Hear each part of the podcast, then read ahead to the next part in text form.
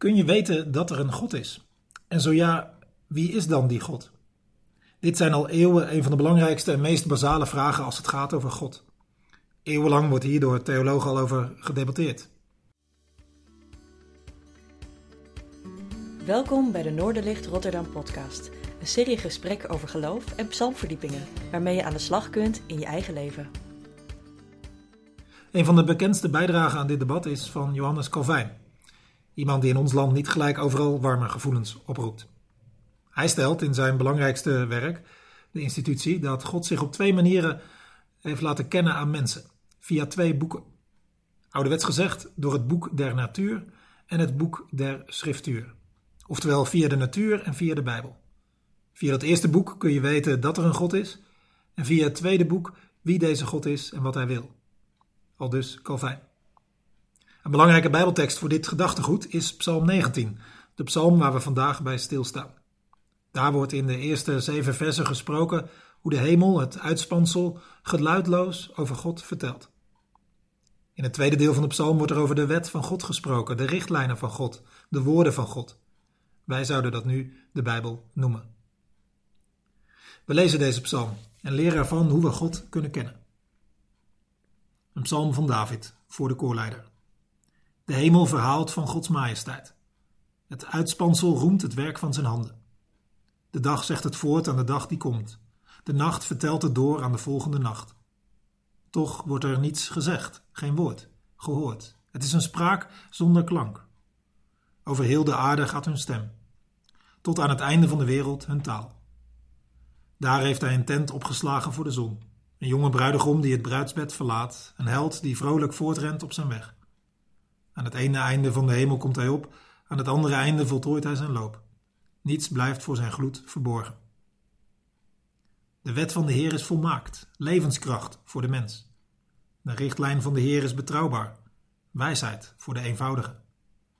De bevelen van de Heer zijn eenduidig, vreugde voor het hart. Het gebod van de Heer is helder, licht voor de ogen. Het ontzag voor de Heer is zuiver, houdt stand voor altijd. De voorschriften van de Heer zijn waarachtig, rechtvaardig, geheel en al. Ze zijn begeerlijker dan goud, dan fijn goud in overvloed, en zoeter dan honing, dan honing vers uit de raad. Uw dienaar laat zich erdoor verlichten.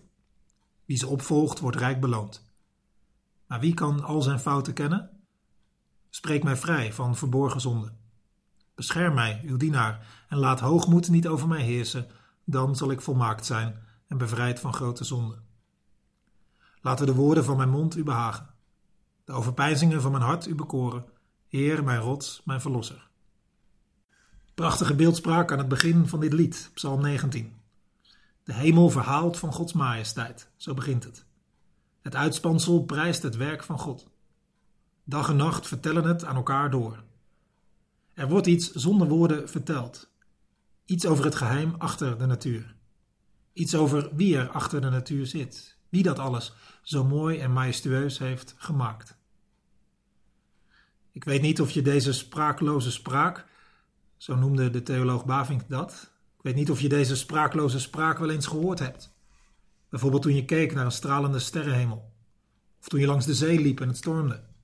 Of toen je op een berg stond en een adembenemend uitzicht had.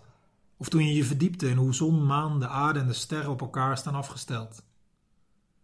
Dat je aanvoelde dat er iets groters moest zijn, iemand groters. Dat je door te kijken iets hoorde van het grote en verheven mysterie achter dit hele bestaan. Dat je onder de indruk raakte van de macht, de majesteit, de creativiteit, de grootsheid van dat mysterie. Achter al dat machtige, majestueuze, creatieve en grootse van de natuur. Volgens die Bavink horen verreweg de meeste mensen iets van deze spraakloze spraak en dat vindt zijn weerslag in tal van religies, oude en nieuwe religies, oude en nieuwe spiritualiteit. Ongeneeslijk religieus worden mensen daarom ook wel eens genoemd, omdat mensen toch altijd weer iets van die spraakloze spraak horen. Het probleem is echter dat vanuit het boek van de natuur, door die spraakloze spraak, niet iedereen bij dezelfde God uitkomt of hetzelfde beeld van God krijgt. Integendeel, de opvattingen over dat mysterie verschillen enorm. Daarom stelt iemand als Calvijn: je hebt dat tweede boek nog harder nodig. Anders kom je niet veel verder dat er een God moet zijn. Maar door het tweede boek, de Bijbel, kom je er pas achter wie die God is. Door wat God van zichzelf heeft laten kennen in de Bijbel, in zijn woord. Daardoor kom je erachter wie het mysterie achter alles is. In het tweede deel van Psalm 19 gaat het daar opeens ook over, vanaf vers 8. Zonder enige vorm van overgang gaat het daar opeens over de woorden, richtlijnen, wetten van God. Die zijn voor degene die dit lied gemaakt heeft bijzonder goed, volmaakt zelfs. Een vreugde voor het hart, licht voor de ogen. Het biedt kracht, het geeft wijsheid. Zoals hij in de eerste deel van de psalm de grootheid van de schepping bezingt, zo bezingt hij in het tweede deel die woorden van God. Zo fantastisch die spraakloze spraak in de natuur, nog fantastischer vindt hij de richtinggevende woorden van God.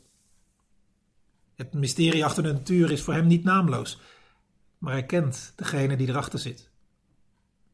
Waar het eerste deel van de psalm één keer God noemt en dan nog in een algemene term, daar wordt in het tweede deel veel meer duidelijk wie God is.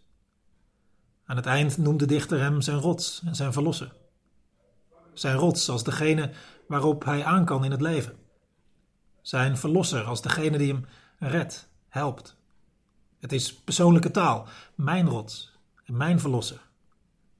God is voor hem niet iets, maar iemand. Iemand met wie hij een band heeft. En hij noemt zijn God vooral een heel aantal keer de Heer. Zeven keer om precies te zijn.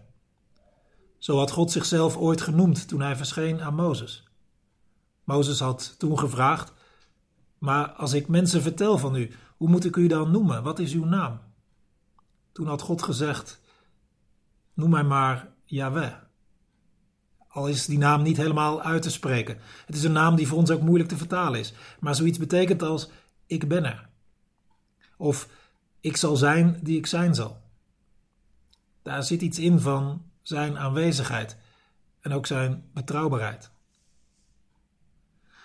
Die God die zichzelf aan Mozes en het volk Israël van toen openbaarde, die God heeft zoveel meer gezegd richting mensen. Zoveel meer woorden, goede woorden, die als je ze navolgt je vreugde geven, kracht, wijsheid. In vers 11 zingt het lied: Begeerlijker dan goud, zoeter dan honing. Het is het beste wat er voor een mens te vinden is op aarde. In het slot van de psalm dan gaat de dichter opeens een aantal dingen vragen. In het eerste en tweede deel had hij alleen maar God geloofd en geprezen, maar, maar nu gaat hij ook wat vragen. Namelijk of hij ook in de lijn van Gods woorden zal leven. Dit verzoek is begrijpelijk. Als je Gods macht en majesteit zo hoog acht op grond van wat je hoort in de natuur. En als je dan ook nog eens de goedheid en rechtvaardigheid van die God hoort in zijn woorden en richtlijnen, dan wil je ook niks anders dan leven in overeenstemming met die woorden van God. En daar bidt deze dichter dan ook om. En dan met name ook of hoogmoed hem niet in beslag zal nemen. Blijkbaar zag hij dat als grootste gevaar van een leven in overeenstemming met Gods woorden: hoogmoed. Dat je het beter weet dan God, wat goed voor jezelf en de ander is. Maar dat levert geen goed leven op. Ook geen leven in vreugde. Want met hoogmoed zit je op een heel ander pad. Een pad dat je doet dwalen door het leven. Hoe kun je God kennen? Daar begonnen we mee. Het antwoord van Psalm 19 is tweeledig. Allereerst, kijk goed als je buiten bent. Kijk goed omhoog naar de hemel. Je kunt zomaar woorden zonder geluid horen over God. Maar in de tweede plaats luister ook naar Gods woorden, Gods aanwijzingen, Gods wijsheid, zoals die op ons afkomt in de Bijbel. God heeft zich uitgesproken en zichzelf zo laten kennen. Met name in dat ene woord, Jezus. Door wie je zeker kunt zijn dat je God met een gerust hart je rots en je redder kunt noemen. Bedankt dat je luisterde naar de Noorderlicht Rotterdam podcast. We hopen dat je er iets aan had. Je kunt alle afleveringen beluisteren via Spotify, Apple Podcasts, Google Podcasts en natuurlijk via www.noorderlichtrotterdam.nl. Heb je een verzoek voor een onderwerp of heb je een idee voor een gast in de podcast? Stuur dan een mailtje naar podcast.noorderlichtrotterdam.nl of vertel het ons via Twitter. En misschien kun je ook een kijkje nemen op ons YouTube-kanaal. Tot de volgende keer.